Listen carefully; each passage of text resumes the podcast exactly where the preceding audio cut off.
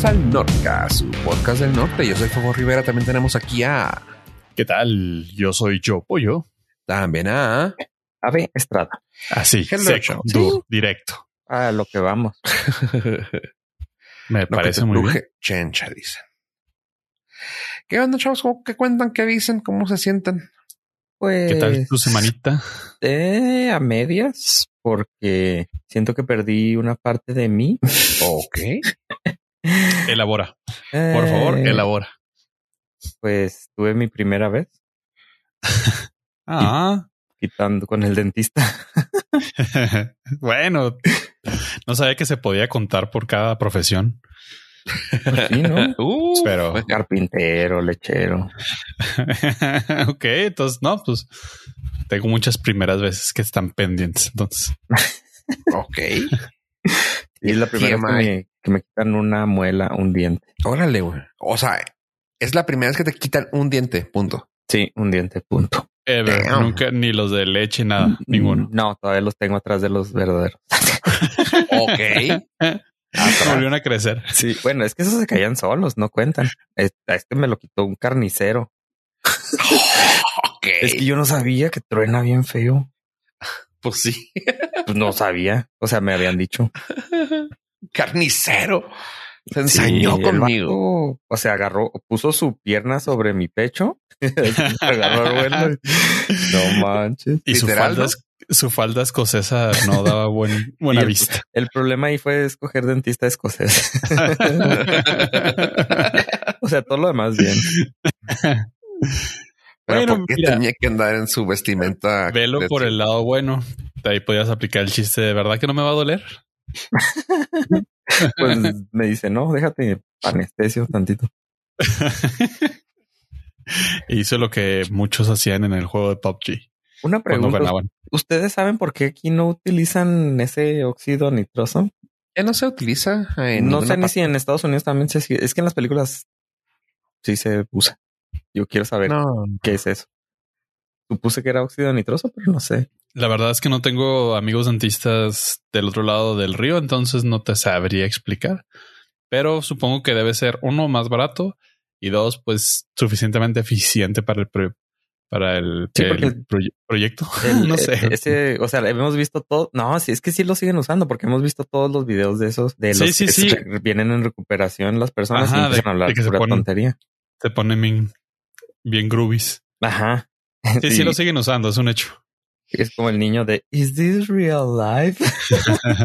Pero él no, él sí lo sí no anestesiaron. Sí, o sea, supongo es esa anestesia completa, pero pues sí, me causa, no sé, siento que lo he visto tanto en las películas que quiero probarlo, no por este adicto. no. Eso siempre dice. O sea, yo la controlo cuando puedo, cuando yo quiera. O sea, es pasajero, es una etapa nada más. Pero sí se me hace curioso que aquí, pum, te anestesian porque creo que es lo que me da más este ansiedad. ¿El Eh. piquetito? Sí, Es parte del Ay. folclore. sí. Sí, yo también siempre pensé, ¿por qué no lo pondrán? Porque sí se me hace a mí muy intrusivo verla. O sea, aparte que digo, también les enseñan a que no veas la jeringa, ¿no? O sea, la inyección en sí. Sí, debe ser una ver la mano nomás. Sí, está ¿Eh? súper chiquito. Debe ser una agujititita. Sí, sí, sí, sí. Y es casi, casi como si te fuera la de la insulina, Ajá. aunque es larga, porque se tiene que pasar por mucho. Uy, pero me causa conflicto. Sí, sí. eso nada más, pero Y sí que yo duele. Lo prefiero, ¿eh? que dormirte todo. Sí, sí, de- debe ser mucho más riesgoso la anestesia general Ah, que el- la local. Sí, tienes razón. Pero Eh, Es que yo soy medio nerviosón, entonces. La solución es ir completamente embriagado, Ajá, ok. Para que no te haga la anestesia. manejando. Así Sí, porque chocas ya y te cae el cuando- diente. ya cuando te checan, ya no, ya no tienes los mismos dientes cuando chocaste. güey. Exactamente. Buena idea. No, ¿Qué es de más hecho, fácil? mis, ¿Tirarlos o ponerlos? mi- más caro ponerlos. Eh, mi- mis últimos dentistas son de que optan por no ponerte. por no atenderme. No, no, por no ponerte ¿Anestesia? anestesia. Ok. O sea, sí de que al menos que sea como por ejemplo lo tuyo, que es así Ah, 100% necesario, pero así de que es una carie que te tiene que tapar y que tiene que perforar como sea, es de que, ok, va a ser unos segundos. No, no, no, no, no, yo no, no, no, está loco. Creo que no a mí anestesia me- ujú. Sí, prefiero no sentir nada, así completamente nada. Sí, prefiero más el que piquetito, piquetito. al taladro. de por sí el puro sonido del taladro es Sí, escalofriante. es traumante. Sí, o sea, y todavía que te diga, puede que sí te duela, pero poco tiempo. O sea, no poco dolor, sino poco tiempo. No, No. es que sabes que luego cuando ya te dicen la razón es de que dice, mira, te inflama, te inflama donde te lo pongan, así que se vuelve un poco difícil para trabajar. Así de esta manera, en cuanto sales tú ya estás listo. ¿Aguantas? Es- y yo, Esa "Eh, es no, su no aguanto". bronca. sí, o sea, no manches. O sea, me puedes hacer la vida mucho más fácil como, como trabajador. No, no, no, no, no, no. Usted anestesia y y yo pago. No, yo pues a mí pago, sí me lo sí. aplican y es, si sabes que sientes el, das gracias ya cuando sales, es de que, ah, ok. Sí, es cierto, porque luego me ha tocado, bueno, a- creo que a ti te tocó ave también de que sales y sientes la boca toda así como que rara, Ah, güey, sí, media inflamada dormida. y bien rara toda la cara. Digo, en tu caso, insisto, si era completamente necesario, no era Como que, ah, caso, no, eso toda tu cara está rara. no, no, pero cuando te hacen algo que pues, va a ser unos segundos, dices tú, ay, güey, unos segundos por una hora de andar con, con la cara toda así. Ajá, y que la sientas inflamada, que sientas ese. Es que está raro, ¿no? Porque sabes que no es dolor, pero es un dolor. No sé si, si así sientan ustedes no. cuando, Yo- cuando los duermen, que sientan así como el tingling sensation, pero que al mismo tiempo es así como que sé que esto me debería estar doliendo, pero No, a mí sí va a ser entretenido porque dices, "Eh, mira, no duele. te empiezas a pellizcar y dices, "Eh, no duele. Eh, nah. Aprovechas Y para sacar el barro enterrado que está ahí. Y ya me acostumbré a estar así, así que dije yo, eh, está bien. M- Más bien eres más tolerante al dolor. Sí, supongo. Sí, eso sí. Sí, a mí, no, me o sea- dol- a mí me no me dolió la entrepierna cuando. ¿Qué onda, Pues- cosas? Ya es decisión personal. Sí, son preferencias personales. Sí, claro. Esperamos que la palabra seguridad haya sido respetada. Eh, si tuvieran que escoger una palabra de seguridad para lo que sea, ¿cuál sería? No pares. Más duro. Dale. Porque la, la más usada, según yo, en todas las películas, me han dicho. Es- pues siempre son frutas, ¿no? Piña, papaya, este, manzana. Pero pues, no sé. Sabueso. Ah, escuché esta semana una receta. ¿Se acuerdan de los hot dogs que hablamos sobre el pan de hot dog? Me la mente. Una de las palabras que estaba pensando era salchicha. es así como, como sí que ni modo que vayas a decir. Bueno, bueno, sí, Bueno, sí puedes depende decirlo. si la palabra de seguridad es utilizada en un restaurante. Pues no está de Lo béisbol. dije para lo que sea, no puede ser en cualquier ambiente. Pero eh, hablando de salchichas y panes de hot dog, escuché una receta a la inversa. O sea, yo les dije que un pan de hot dog con Nutella era un hito. Pues escuché Ajá. ahora que calientas una salchicha y en vez de pan de hot dog lo pones en un hito. Entonces ahí estás. El- A la madre. No entiendo. o sea, eh, O sea, sí, no, en no el entiendo el panecillo. Sí, sí, sí, sí. Ajá. ah, en el panecillo. Nito es el panecillo, no Sí. un hito. No. Nito el panecillo, lo partes a la mitad y ahí le pones la salchicha ya asada de. Pero está como Eh, demasiado dulce, ¿no? Acuérdate de, ¿te acuerdas de las hamburguesas que vendían de Krispy Kreme? Pan de Con Krispy- dona, sí. Eh, supongo que algo así debe ser. Ok.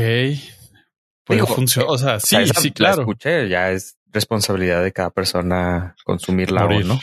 Sí, morir en el intento. Arriesgar su Ok, dentadura. ok.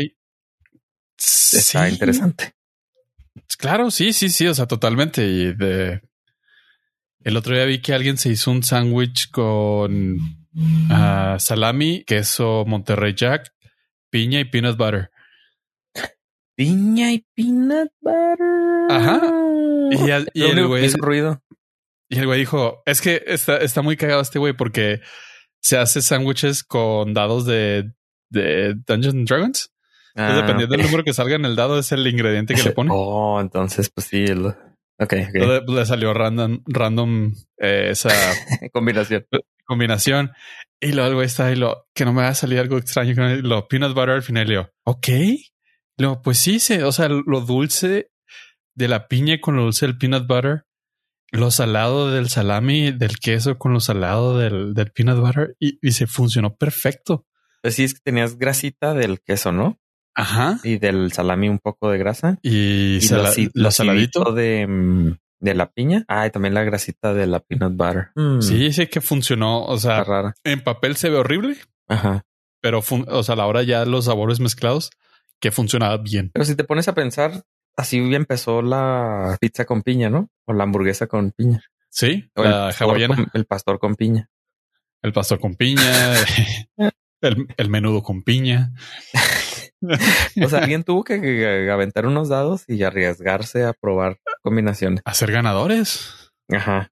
Este mundo, bueno, es que para empezar no hay nada que sepa mal con piña, excepto más piña. Mm, con piña. Ah, Es que queda oh, es que bien es con lo salado y con lo dulce. Es complicado. Un taquito de piña. Es que sí, el- los de pastor. Los de pastor Sí. y la piña. Ah, Me tocó probar en Querétaro la pizza hawaiana con, en vez de piña, era jamón, plátano y cereza. el plátano no se lo ponen obviamente al final, ¿no? Ah, no, cocido. O horneado. Pero era Ajá. plátano macho. Ah, No, era dulce. No le Ah, y estaba, y estaba y estaba extrañamente rico. O sea, porque también es lo mismo. O sea, está dulce, pero como es cremoso, le da un nivel más raro a la pizza.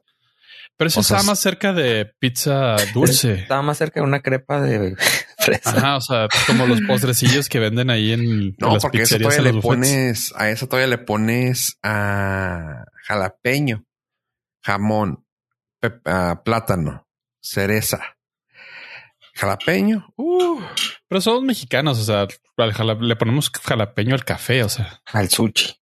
sí. al tequila. Ah, a no todo sé. le ponemos Sí, Jalapeño. punto. Entonces, o sea, no puede ser un postre que de todas maneras sea picoso. Buen punto. Ah, el chocolate también le hemos puesto jalapeño. Sí, el chocolate con, con chiltepín sabe muy bueno. Ok. Yo he probado solamente el chocolate líquido, así picantillo. Sí, este el- es una receta muy vieja que hace que resalte el, el sabor del chocolate. De hecho, eh, de así de marcas ya hechas, o sea, ya marca grande, está unos chocolates de Tabasco. No sé si lo, han- lo han probado. No, no he ido a ese estado. He ido ahí. Ah. Nomás he comprado chocolates en la CDMX. Igual Mérida, aclarar aquí en no, no, no, no, Norcas. pero no ¿Sabes es qué? Tabasco. Sí, no, yo no soy muy fan, o sea, de hecho no soy nada fan del tabasco, se me hace demasiado ácido. No, no aguanto.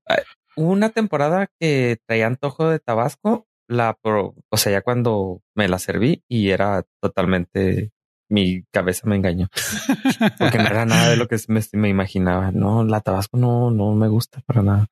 No, no está chido. La clásica, pero ya hay ahumada y con habanero y ciertas La variaciones. ¿no? Uf. La A lo Scorpion, mejor perdón. una de esas La Scorpion sí está bien buena. A lo mejor una de esas sí puede funcionarme, pero no, tampoco. Conozco una persona que se dice tomaba botes, frascos de tabasco sin piedad. A todo le ponía tabasco, pero no, no es mi hit. No era yo, ¿ah? no, Ah. No. yo, pero no sé, es que sí, el, el sabor del tabasco es demasiado Ácido. invasivo. Eh, O sea, es muy ácido y Sí, no. o sea, Hay está ciertas ahí. cosas que van bien con Tabasco. O sea, es que creo que hay una salsa para todo, ¿no? O sea, como que cada cosa tiene su. Ah, sí. A la, Por ejemplo- a la pizza, ¿qué le echan ustedes? ¿Qué salsa les, les gusta? Mm, Sí, no, es que últimamente he mezclado búfalo con ranch cuando Ajá. le llego a poner Ah, el original Donkey Honk. nada más. A veces, una vez así nomás de payaso le ponía salsa inglesa, pero no es mi hit, pero no sabe mal. Por ejemplo, a la pizza con sriracha. Sriracha y chili flakes para mí. Y chili flakes y también como dice Ave, está chida. Eh, Y ¿Sabes para ranch. qué me gusta? Para qué me gusta la Tabasco? Para todo lo que sea caldo. Siento que le siento que le balancea, o sea, porque realmente ya yo también pienso igual que tú, eh, es muy ácida, o sea, pero a mí lo que me gusta en caldo es de que le da el la te quita la necesidad de ponerle limón a las cosas, o sea, yo soy muy de limón y si me sirves no sé, una sopa caldosa, es cosa de ponerle unas cuantas gotas y le va a dar ese kick de picor y el, el ácido te va a quitar, te va a dar lo fresco de la sopa. ¿eh? Está chido. Sí, sí, fíjate que ahí sí, ¿eh? sí funcionaría. Por ejemplo, a mí el tabasco me gusta nada más para el clamato. Dos dashes de tabasco son perfectos para el clamatito. Mm, sí, ahí sí. En Para lo, los, lo sopudo.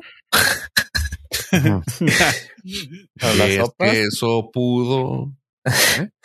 eh, utilizo sriracha por lo regular. Ah, cura. Ah, caray. O un habanerito que tengo ahí, una salsa de habanero que se consigue en cualquier tienda, Ya, ya sé cuál. este, muy rápida, como si fuera el correcaminos. Ah, canijo, no, ya me consumo local. No me acuerdo si lo venden ahí. local. Ahí la venden ahí y este, esa consumí durante dos años que estuvimos encerrados y ya como que ya, ya, ya me hartó. Yo tengo Pero- una relación amor-odio con el, con el habanero. Me gusta el picante que tiene. No me gusta el sabor que tiene. Sí, sí. Es, sí, tienes, es complicado. Sí. A lo mejor por eso me hartó. Y no tiene sabor rico el habanero. Pica. Pero no Ah, tiene pica sabor. rico. Pica rico porque es así como que el, ah, este es el punto ya donde no me estoy suicidando de Ajá. y dices, ok, pero el saborcito ah, no es mi favorito. Sí, tenéis Sí. razón. Que cura, sí es cierto, no he puesto a pensar. Pero sí, sí llega a ser un sabor medio. Eh.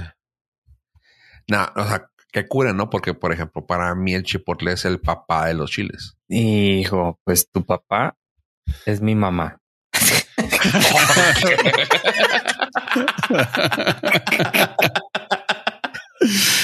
Pues fíjate que tu mamá es mi tío. Porque abusaba de ti el chipotle. No, no me gusta el chipotle. Lo tengo. Creo que una, hubo una temporada en que comí muy seguido y lo tengo Ah. ahorita vetado. Ya ves que te da así como que cuando comes algo muy seguido y en exceso Sí, ya. sí, te, te cánsate. Sí, Te y- saturaste. sí, ahorita lo tengo en mi lista negra. Y para el clásico postre, no postre, no, para el clásico entre de queso Filadelfia con mermelada y agrégale por lo regular el chipotle que le pones ahora. Mm, le pongo Tabasco. tabasco. No, no, no lo consumo. Sriracha. Sriracha. No, no lo Ese es consumo. una, es un muy buen entre para botanear. Sí, sí, no. Es no, pero es que habanero, güey. Para mí es Ah, habanero sí, y es- chipotle. Es, ah, una, una virtud del habanero es que se mezcla muy bien con cualquier cosa dulce. Ajá. Con, por ejemplo, ese tipo de mermeladas, mangos, todo lo en marisco, cuando hay un ceviche que lleva mango, el habanero es buen compañero. Uy, se me antoja algo como durazno habanero. Ese no lo he probado, pero Y ya estaría en perro, sí. Supongo tiene que ver con lo que viene de lo tropical, ¿no? Yo acá pensando así, de, ah, unas costillas con una salsa de reducción de habanero, de habanero durazno. Puede ser. Reducción. Bueno, o sea, con una chiquitita, es como la homeopatía, güey. Sí, sí, sí. no, es una gotita porque está reducida. Ah, eh, contrátenme. Arroba. Ya, ya, ya van dos, a ver, ya van dos. Llegamos- Estamos llegando a la cúspide de la comedia, ¿eh? 259 episodios. Aquí se demuestra.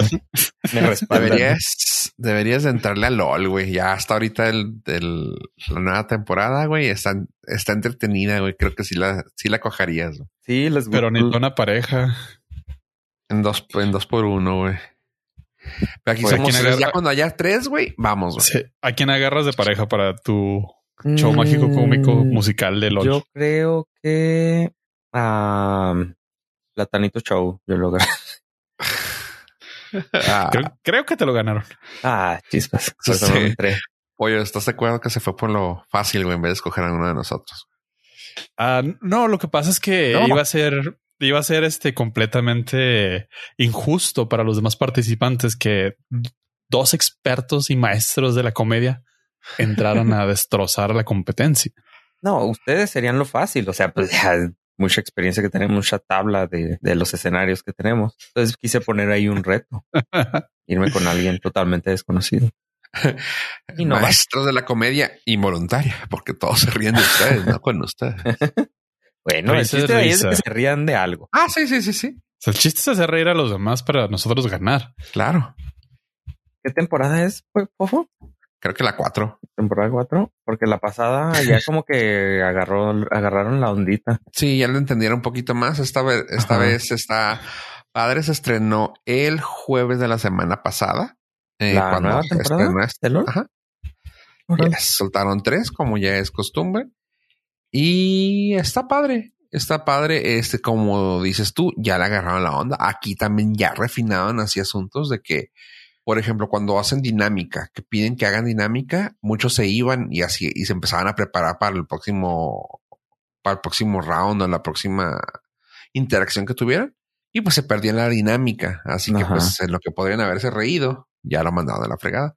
Aquí así de que la regla es de que no se van a parar y no van a hablar, van a poner atención. Si no, pueden ser este, amonestados. Yo, órale, qué fregón.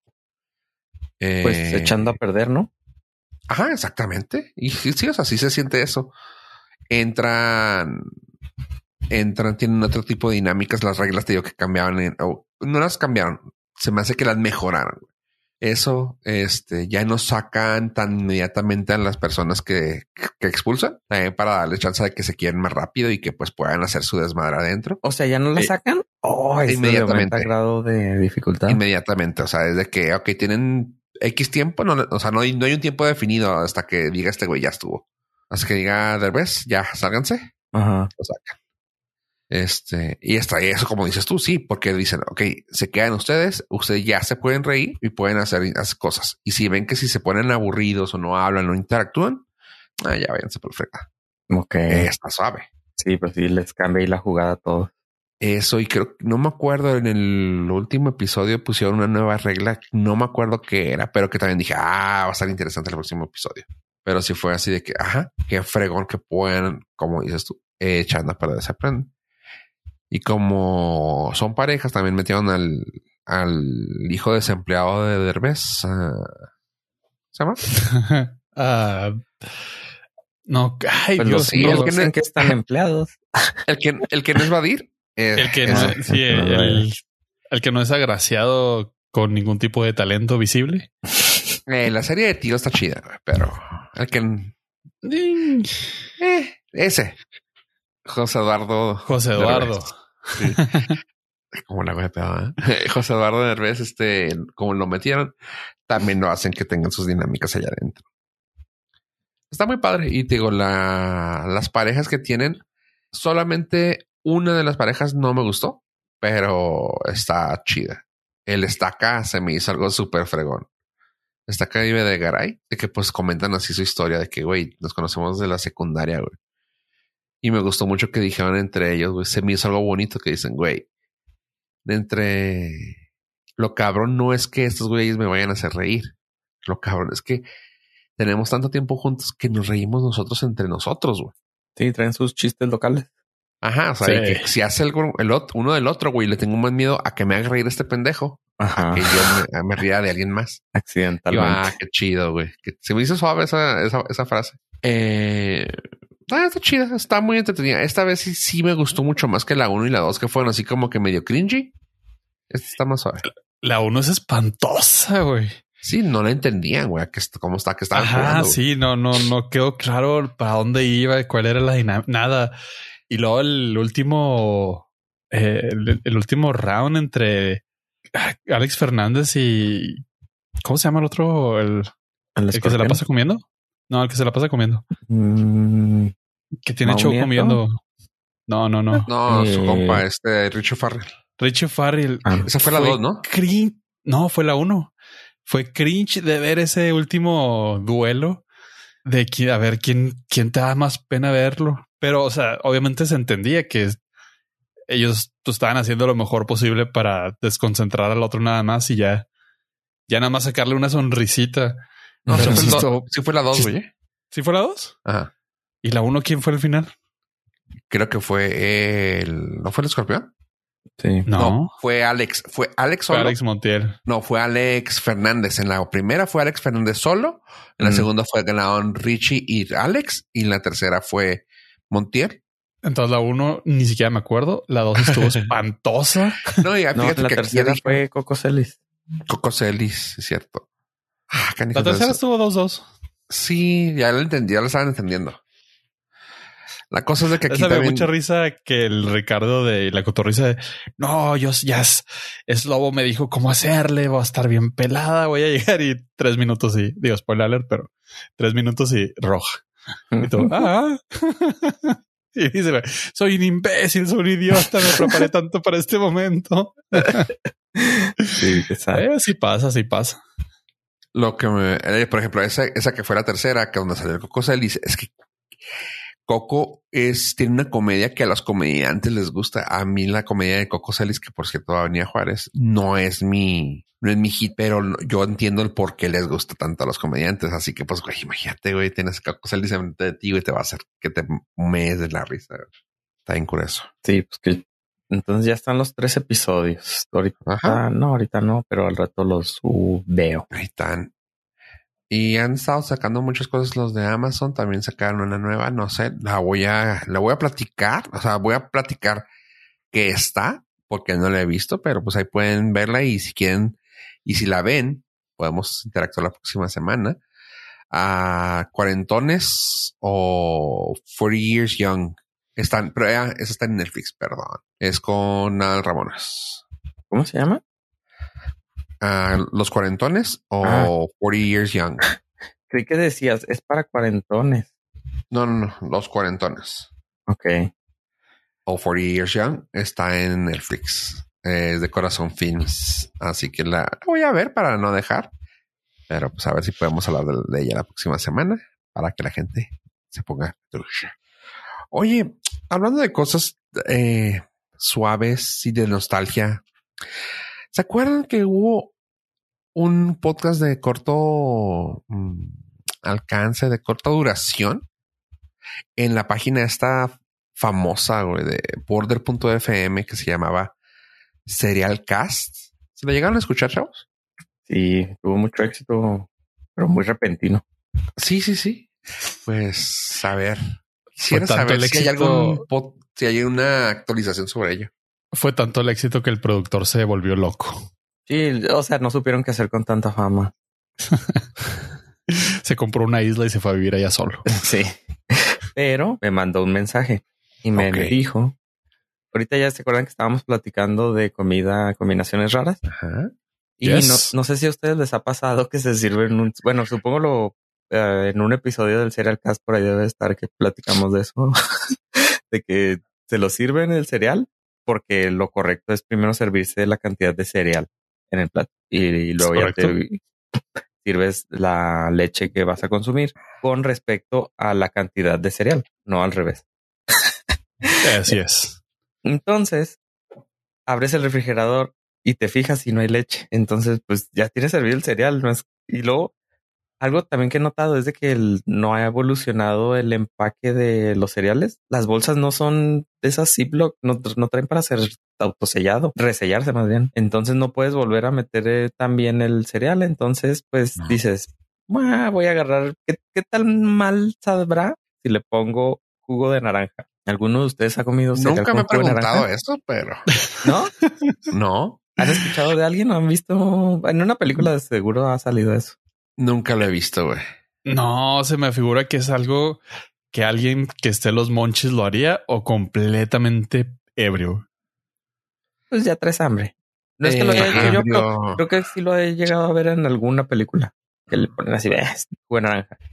Bueno, pues uno de los jugos de naranja más famosos son Tropicana. Y ellos decidieron crear un cereal que se lleva completamente bien con jugo de naranja. Entonces ellos diseñaron el primer, entre comillas, el primero, no sé si ya exista otro, o haya existido otro, el primer cereal que se puede comer con jugo de naranja y no te vas a ver feo. Se llama Tropicana Crunch. y mm, creo que al momento de la grabación apenas va a, va a estar este, disponible.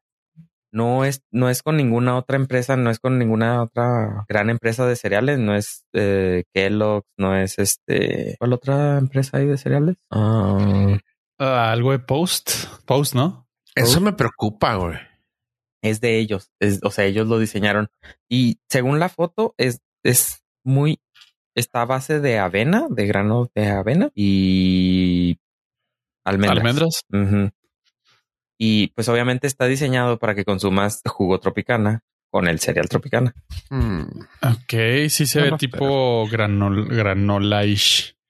Sí, sí, está interesante. Eso también puede ayudarle a la gente que es intolerante a la lactosa, que no consume leche. Entonces, igual y quieres un cereal, porque sí hay muy pocas opciones de acompañamiento con el cereal. O sea, si no es leche, que lo aunque sea de leche de almendras, leche de arroz, bla, bla, bla. O sea, sí tiene que ser un tipo así de sustancia, de líquido así medio cremosón.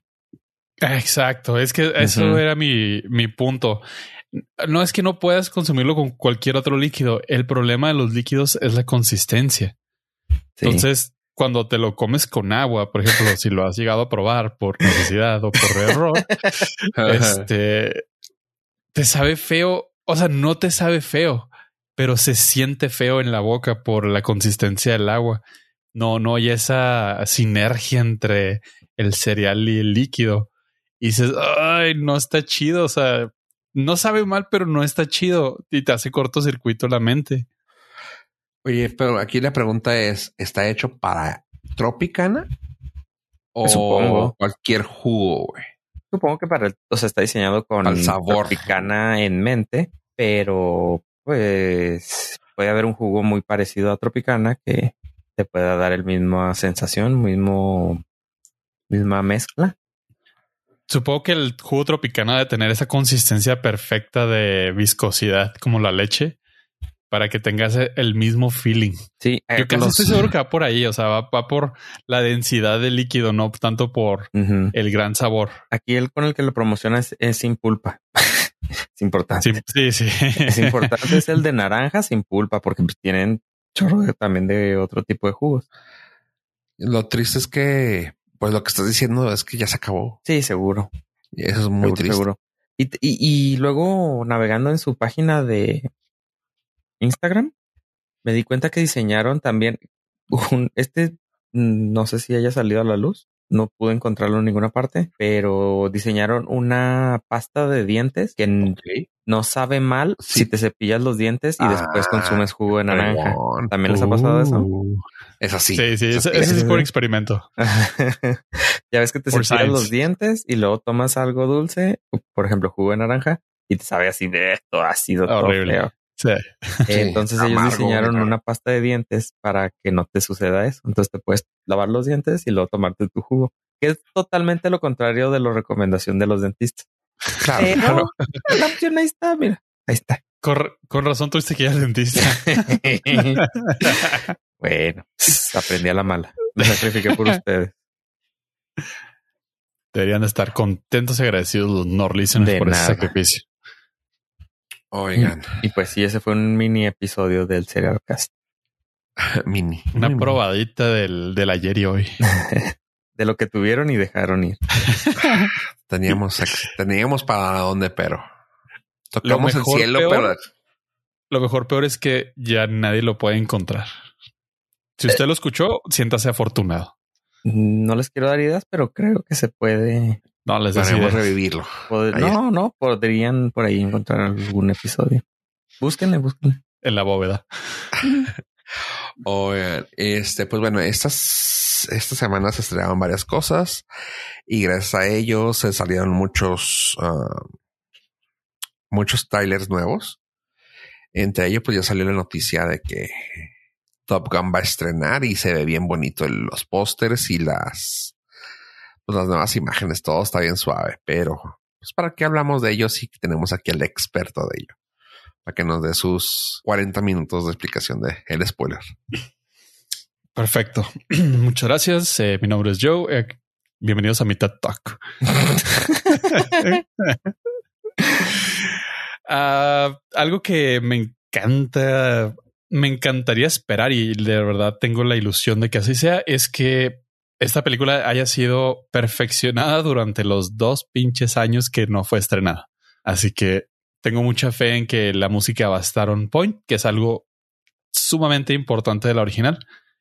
Y pues ya sabemos que Lady Gaga tiene una participación estelar en la creación de una de las rolas principales, lo cual celebro. Pero eso no es el tema que nos, que nos compete el día de hoy, sino una escena en particular de la película que pudimos ver en el trailer. Por eso no va a ser spoiler, porque aparte no la he visto y no puedo spoilerarles pinches nada. Ah, la razón de esta, de esta noticia que les voy a dar es que dentro del, del trailer se ve una, un avión muy fantasioso que despega y hace un pase bajo y sacude a todos los espectadores. Y ese avión, cuando lo vi, de hecho, pensé así, ah, está muy fantasioso y me puse a investigar un poquito. Y está basado en un diseño que era la continuación de un avión espía norteamericano que se llamaba SR-71 o Blackbird. Ese fue un avión legendario. Fue, fue el avión espía por excelencia. No servía para ni madre más que para espiar, porque es uno de los aviones que volaba más alto en los registros de la aviación. Es el avión ese negro que tenían que ir con traje espacial los Exactamente. Ese mismo. Y lo curioso aquí es que este nuevo diseño es, de hecho, se llamaba SR-72 y fue concebido por ahí del 2007. Sin embargo, hasta donde sabemos de manera oficial, guiño guiño, el proyecto nunca avanzó y se quedó tal cual. Sin embargo, habiendo dicho esto, el productor Jerry Bruckheimer dijo que unos ciertos espías, satélites espías de origen eh, oriental, fueron detectados que cambiaron de trayectoria para empezar a espiarlos durante el rodaje de, la película, porque utilizaron réplicas para esta, estas, estas escenas. y fue, fue una conmoción de que en realidad pensaran que era un avión real.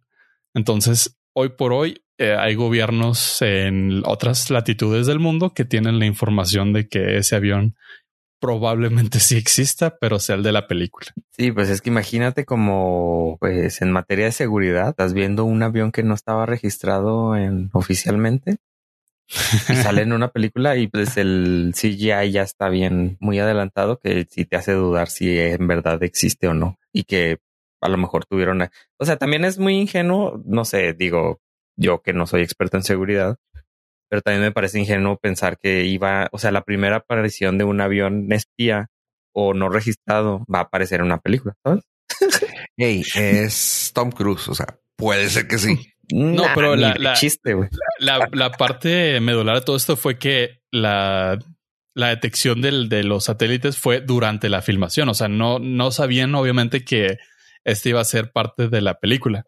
Ah, ok. Se fueron con la, se, fueron con la pinta por la, ajá, por la mm. réplica que hicieron a escala mm. real para la película, pensando que era un nuevo avión prototipo del gobierno norteamericano. Ya, ya, ya, ya. ok, ok. Sí, sí, sí. Mientras la grabación, sí, pues ahí sí te salta. Obviamente, sí se pusieron en alerta. ok, ya, ya, ya. Entendí, disculpa. Y fue así de que, uh, Bazinga. Este es nuestro avión. Ya cuando ah. supongo que cuando vieron el trailer dijeron, ah. Pues sí, es como si te asustaras y ves este. es si ves, no sé, el, la réplica del, del X-Wing. No, Ajá, sí, construyendo con, con imágenes satelitales. Ves que hay un X-Wing ahí y dices, ah, caramba, esta tecnología que, que, exactamente. Entonces, por de entrada, lo que yo rescato de todo esto es que la réplica se debe estar con madre, lo cual debe ayudar a la inmersión de la realidad dentro de la historia.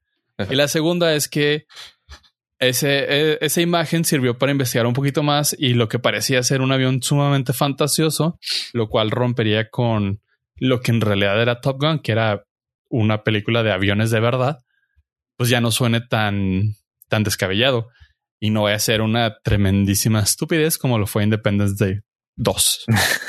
Ah, un virus a la nave espacial. Eso es creíble. La, segunda parte donde ya todos traían aviones modificados alienígenas y ah, no, ah, no, eso sí, sí, sí. O sea, ya, ya fue una completa estupidez todo. No, pues güey, pero o sea, ¿cómo crees que nos hicimos del iPhone, güey? ¿Tú crees que era humano este señor? Creo que no. Pero el iPhone antes volaba y le quitaron esa capacidad. Exactamente, no estábamos listos, güey. En Independence Day, siendo película, güey, claramente ya están listos. Güey. Me acuerdo de los de Black. Exactamente. El microondas, pues, ¿crees que eso lo inventamos nosotros? pues te digo, o sea, no está tan descabellada la película. Güey. No, no, pero contéstame esto. No tenemos, o sea, ni fantasiosamente tenemos la tecnología para que el iPhone le dure la batería más de tres horas volando. Claro que la tenemos, güey, pero insisto, no estamos listos. Ah, tiene que haber profit, güey. Tienen que haber ganancias del parte del, del consorcio Illuminati, güey. Eh, eso es pendiente para más al rato. Ah, ¿verdad?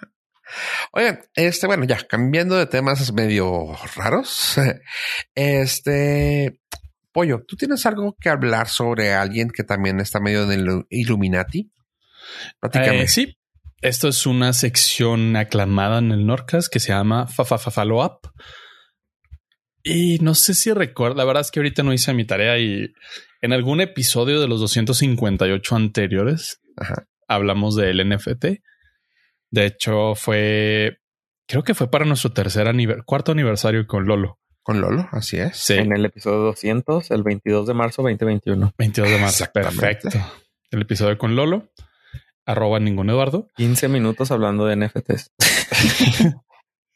Este es un follow-up tan esperado que sabíamos que iba a llegar, sin embargo, ahora se ha hecho realidad. ¿Lo predijimos? Sí, sí, lo predijimos de alguna manera.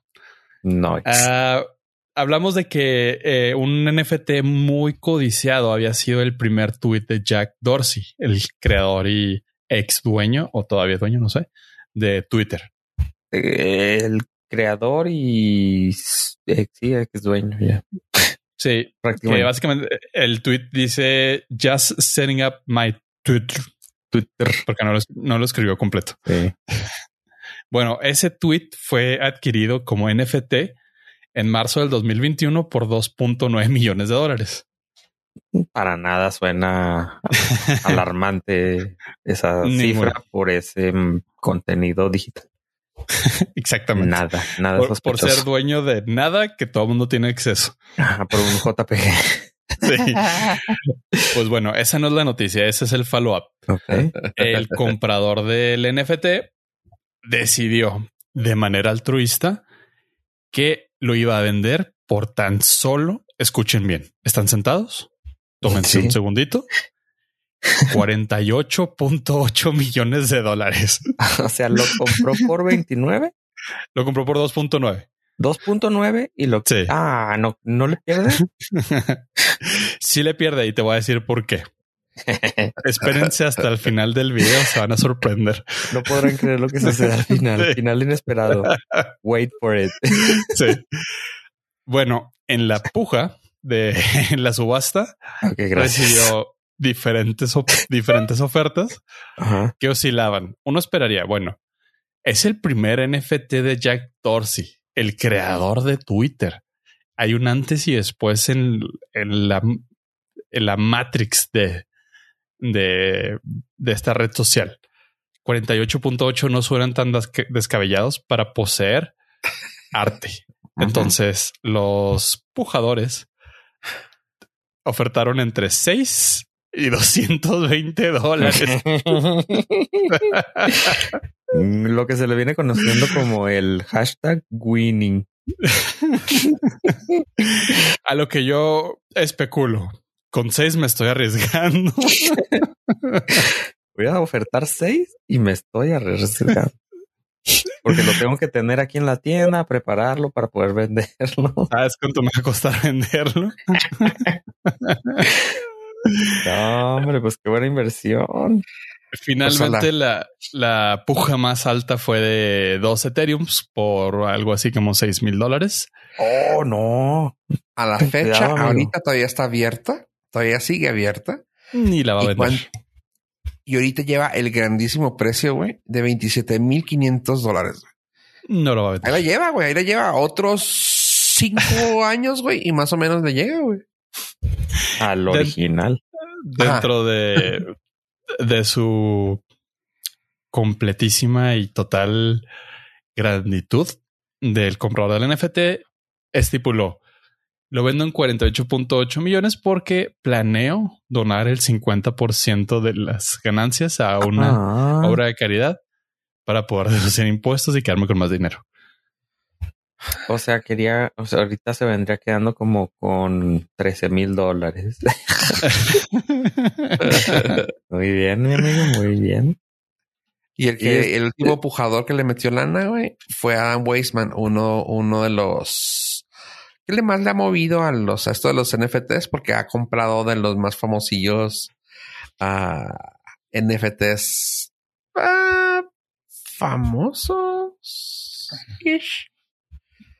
Pero bueno, nomás quería comentarles quién es el que está, ahí, está metiéndole el dinero a los 27 varos. Híjole, finalmente yo creo que la burbuja del NFT está a punto de colapsar y los que hayan hecho, pues, hayan empeñado una casa rehipotecado para comprar un, el primer tweet de Jack Dorsey. Es muy difícil que, habiendo pasado el furor, pues en realidad lleguen a ver esa cantidad de dinero por algo que no existe. Este algo, intangible. Este fin de semana hubo una venta de unos NFTs y estaban vendiendo, no sé, en 200, 300 dólares los NFTs. Eran de Board Apes y eso te costaba el NFT, pero la transacción, como hubo tanta demanda, la transacción te costaba entre mil y siete mil dólares. Quiere decir que si tú querías comprar un NFT de 200 dólares, vendrías pagando más de mil dólares por el NFT, porque eh, como funciona el Ethereum y el precio del gas y el mining y todo el sistema de la criptomoneda, de este, el Ethereum, le, a mayor demanda tenía mayor costo, entonces se te subía tres veces el costo del NFT que y de puros costo de transacciones ganaron, o sea, se ganó en dentro de la red de Ethereum, se cobró 300 millones de dólares. Pura transacción. Y lo curioso es de que los, o sea, el las criptomonedas fueron creadas como para saltearse al intermediario todo el costo que tienes de las transacciones de los bancos y resultó ser que Igual peor. Cayeron, cayeron en lo mismo. O sea, eh, fue un círculo ahí, como terminaron el círculo. Ellos se volvieron ya el intermediario, los que estaban cobrando más dinero, los que estaban ganándose por cada transacción. Sabes que lo más triste es de que estoy viendo las las pujas actuales o las ventas actuales, por así decirlo. Y tristemente hay artistas famosos, al menos en la plataforma donde se está vendiendo la, el NFT de este vato. Uh, se llama OpenSea, como mar abierto, punto io. Y hay artistas famosos del nombre tipo Snoop Dogg, uh, The White Stripes. Y lo digo con la palabra completa, tristemente se me hace que se están poniendo de pechito o de manera muy pues triste, güey, que dices tú, güey, vales más que eso, güey, como para querer estar, entre comillas, apoyando a un movimiento.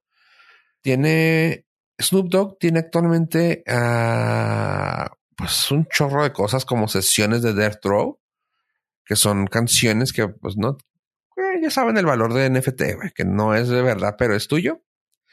Y tristemente ponen los precios así de que, güey, está esta venta, estoy poniendo a venta esto bien fregón.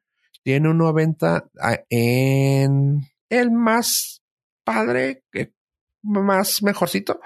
Está a 50 de Ethereum, 133 mil dólares. Y tiene una puja de hace meses, tres meses de un, de un Ethereum, güey. Cosa que el Ethereum está en 50. O sea, no, no lo vendes, güey. O sea, qué triste es el hecho de que quieras vender algo que pues no, no más, no. No, es que ahorita está, está fuerte la, o sea, todo eso lo lograron los, a los que se les denominan los crypto bros, que son todas estas personas que están invirtiendo en este tipo de negocios intentan sacarle el mayor provecho antes de que probablemente truene la burbuja.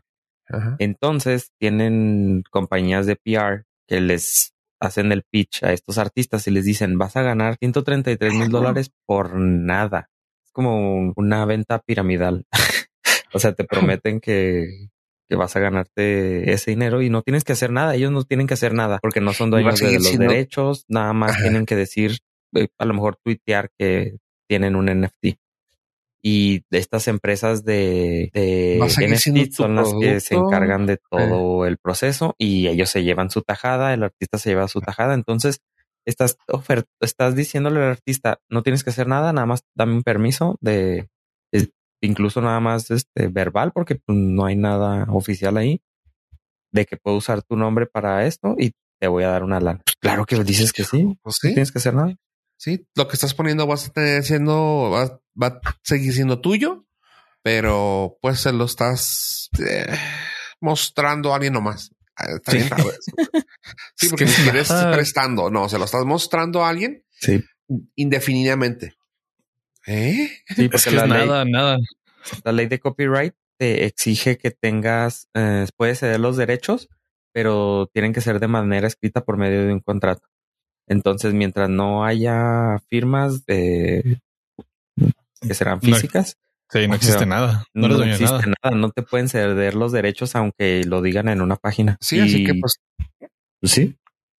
Te los, como, como dije, te lo están mostrando indefinidamente, güey. sí, porque es tuyo, pero puede desaparecer OpenSea y que ahorita eh, actualmente es la más grande eh, casa de subasta de NFTs y desaparecen ellos y o sea, en teoría lo que ellos alegan es de que, no, claro, tu NFT está en el blockchain. Pues sí, pero pues la persona común, como nosotros que somos perros de la calle, pues no vamos a tener acceso al NFT tan fácil como te lo ponen en una página. Entonces desaparece OpenSea, necesitarías entrar al blockchain y pues sí, ves una cadena de caracteres y dices, ese es mi NFT. Ah, ahí estoy yo. Pero yo, yo, sigo revolviéndome en la cabeza. O sea, eres dueño de la huella digital. Uno, tal vez. Pero es una huella digital, no es nada. El güey de lado tiene la huella digital número dos y lo ve, lo escucha y es tan feliz como tú. O más porque no pagó. sí. Sí, está muy raro. es que ni siquiera sabría que, pues, de qué podrá ser dueño. Pues, Mira, adentro de esa caja fuerte, güey. Adentro de esa caja fuerte, güey, hay 10 millones de dólares. Tú eres dueño del token que abre esa caja fuerte, pero yo tengo la clave. O sea, tú tienes el token. Así que tú eres, dueño de ella, güey. Sí, en este papel dice abrir. que eres dueño de eso. Pero yo tengo la puedo abrir, yo puedo entrar, yo tengo todo, pero tú tienes el token de esa, güey. ¿Cómo ves? Ay, güey. Y todos pueden entrar y verlo. Sí. todos los demás. O sea, todo el mundo puede hacer uso, verlo, saborearlo, disfrutarlo, pero tú tienes la superioridad moral.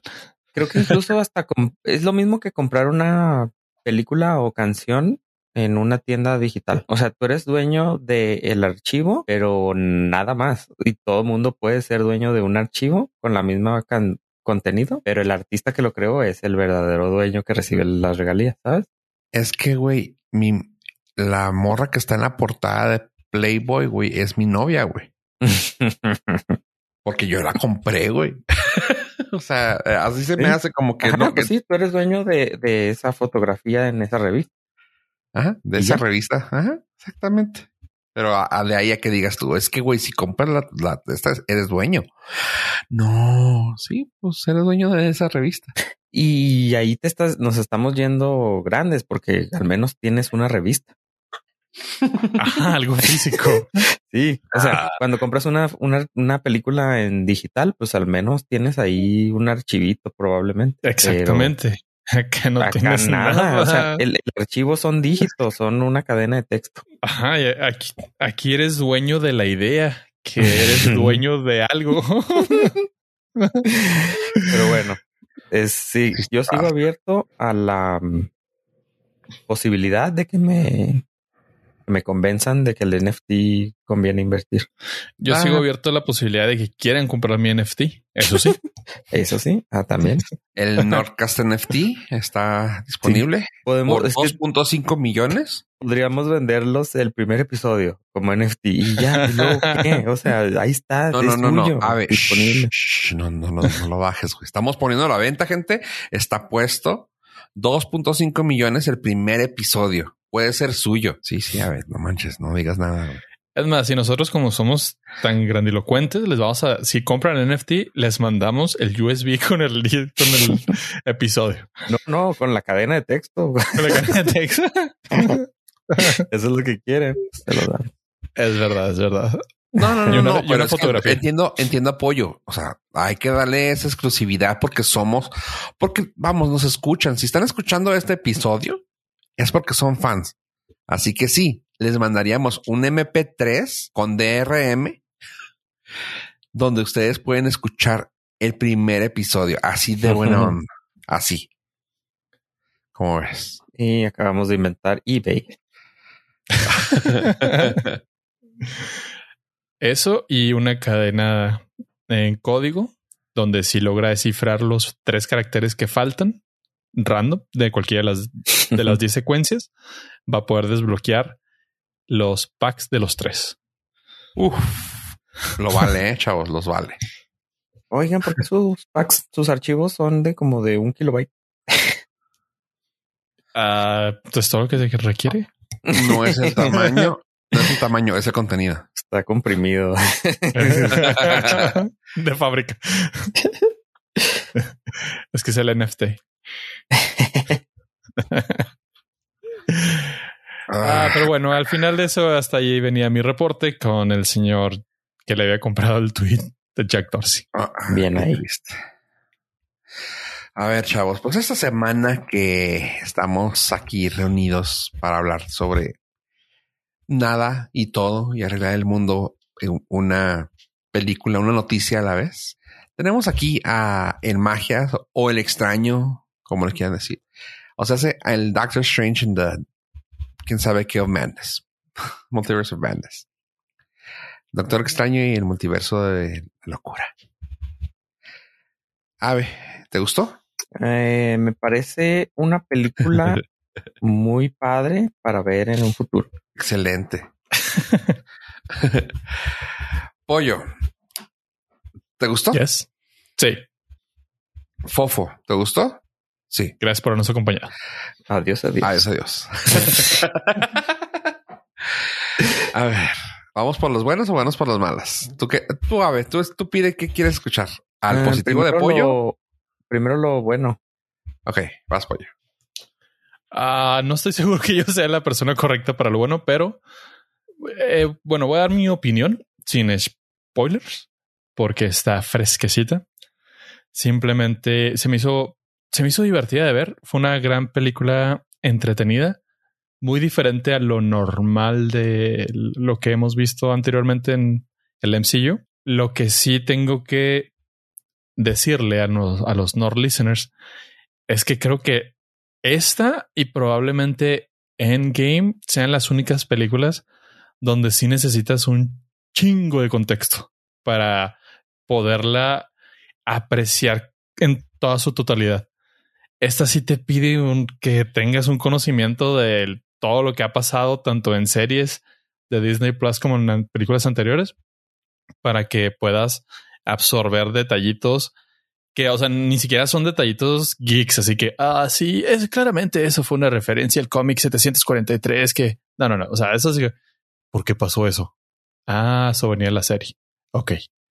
Entonces, creo que esa partecita se entiende. O sea, llevamos creo que 46 años ya con las películas de Marvel Y finalmente le están subiendo la varita a los, a los espectadores, decir, a ver, tú pagaste por ver esto, comprométete. Ve por lo menos esto, esto, esto, esto, esto, para que pues le entiendas chido. Y hasta ahí. O sea, ya lo demás, estilo, el estilo de, de, Sam Raimi, a mí sí me gustó en lo particular, sí se me hizo muy chido. Tiene ahí tintes de Evil Dead. Es la película, entre comillas, muy grandes, más de terror de, de Marvel. Lo cual, pues, está palomera, está refrescante y yo no sé ni madre de las historias, ni sé ni madre de los cómics, pero pues me he tratado de mantener un poquito con todo lo que ha sido leído en Disney y las películas anteriores, así que me gustó. Fofo. Ok, ya, ya escuchaste. ¿Te, ¿Te llamó la atención? Sí, porque sí, creo que sí he visto algo. O sea, creo que con lo que he visto me basta. Ok. Para disfrutarlo, pues. Ahí te va. Eh, a contrario de lo que dice Pollo, es una película que se cierra por sí sola. La única cosa que tienes que haber visto anteriormente es WandaVision. Se acabó. No hay, no hay tanta, no hay para dónde. O sea, Wanda, si ves WandaVision, sabes que necesita eh, juntarse con sus hijos, que, se, que los perdió ahí. Y esto, de eso va el trama general. Sin, sin spoilear al 100%, porque hay mucha tela de donde conectar. Este, con WandaVision tienes. Ya, si te quieres poner mamila, ve el episodio de Doctor Strange en What If. Se acabó. Pero ahí en fuera sí se puede contar sola con, eso y ya.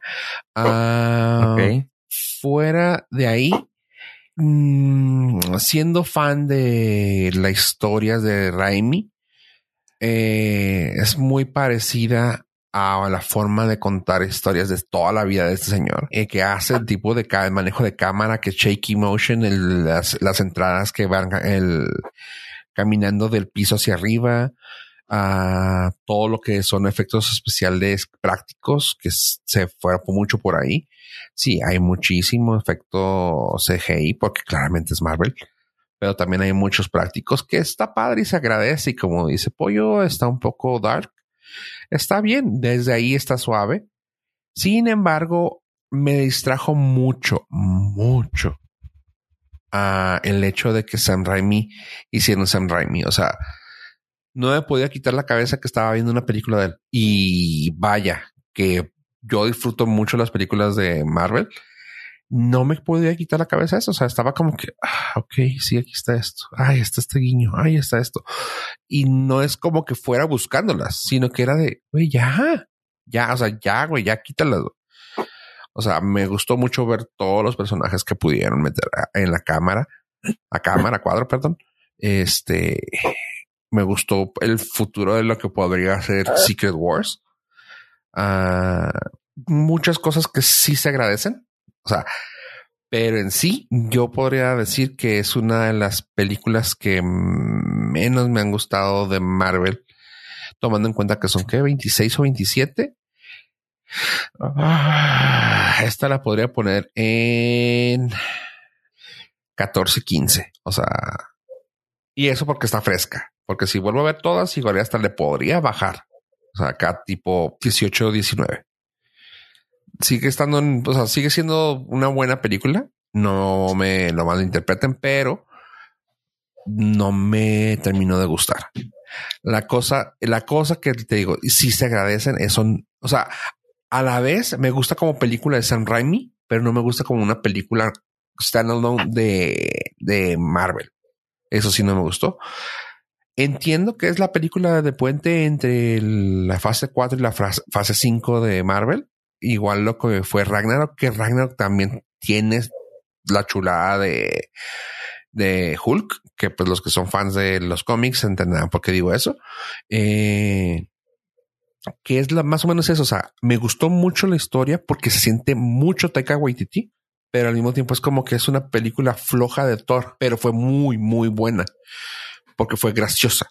Eso tiene esta. O sea, fue una película muy buena de Sam Raimi pero fue una película me de Marvel. Ahí, así lo tuviera que explicar, así lo pongo. De ahí en fuera, pues, película guachable de Marvel. Punto. Listo. Órale, la pateaste más de lo que yo imaginé. a mí sí me gustó bastante. O sea, se me hizo de las más entretenidas que he visto últimamente de Marvel porque ya estaban muy recicladas como la fórmula de, ah, ok, ahora sigue esto, check, ahora sigue esto, check, ahora sigue esto, check. Esta por lo menos sentí que, igual que la, la de Ragnarok, ya sí por lo menos se ve la libertad para los directores de, ok, métele tu estilo. Ya no necesitamos tanto de la fórmula Marvel que sale del algoritmo. Y se me hizo chingón. Eso fue, o sea, sí, insisto, se agradece un chorro lo que, lo que hizo Sam por la película, pero es la película de Sam, no es una película de Marvel y le quita y le pone lo bueno. O sea, no sé si me doy a entender. O sea, es, es bueno que sea eso, que a su vez es malo porque no me deja disfrutarla como una película de Marvel. O sea, porque en sí la historia de la película para mí fue muy floja. Todo lo que le brindó un buen sabor es de que es de Raimi. Ah, creo que creo que es la mejor forma de poderlo interpretar. Ajá. La película en sí de para ser película de Marvel es floja, pero lo que me gustó fue de Raimi que a su vez es el detrimente para que sea película de Marvel. O sea, dos puntos negativos para Marvel, uno muy positivo para San Raimi. Pues ahí lo tiene. Véala, decíala, defina si es Team Fofo la odio o si es Team Pollo, todo es bonito. no, no, no. Es o bonita. decida también si es Team Ave, no la he visto. no la he visto y me vale madre cuando verla. Exactamente. Y, la voy a ver cuando quiera. ¿Y qué? Sí, cuando ya esté aquí en la casa. Así es. dentro de dos meses, pero. Más o menos. ya escuché, ya eh, me voy a esperar el lunes para el review aquí en el norte. Uh, sí, rápido, si son fans o si no, cualquier cosa, antes de que la vea, si quiere, hágase el favor y vea las tres de Evil Dead. Si, si la va a ver la próxima semana, en el fin de semana de aventarse las tres películas de terror, están bonitas. No les voy a decir que, que they hold up, porque no, ya son viejitas, pero están entretenidas y van a ver muchos guiños hacia ellas y eso les va a hacer saborear la película un poco mejor. Listo. Evil Dead. Evil Dead. Ajá. No la vas a ver tú, no son de tu agrado, son una B-movie completamente de terror, pero está basada, pero gracias a esa película existen muchas películas del género de terror que tenemos hoy en día como famosas. Pero no. Oh, vea las de Spider-Man y también sí, le da un eh, Sí. sí, el carro del tío Ben, el carro del tío Ben lo van a ver aquí porque es el carro que siempre mete San Raimi a sus películas. Sale desde Evil Dead en 1981. Eh, las de Toby Maguire, para que no se vayan a confundir. Cheers. ok. Ándale, pues, gente, pues entonces, pollo. ¿Algo quieras agregarle a este bello podcast? Eh, quiero agregarle que hemos finalizado, la misa ha terminado y darle las gracias a nuestros Nord listeners por habernos acompañado hasta este preciso momento. No sin antes decirle que mucho cuidado porque estamos nuevamente en temporada de alergias. Así que si ustedes están sufriendo alergias, un abrazo muy grande y espero pronta recuperación de todos. Ave. Eh, recuerden lavarse los dientes después de comer. Y antes de ir después de, luego tomar jugo de naranja. Gracias por escucharnos, gente. Adiós, adiós.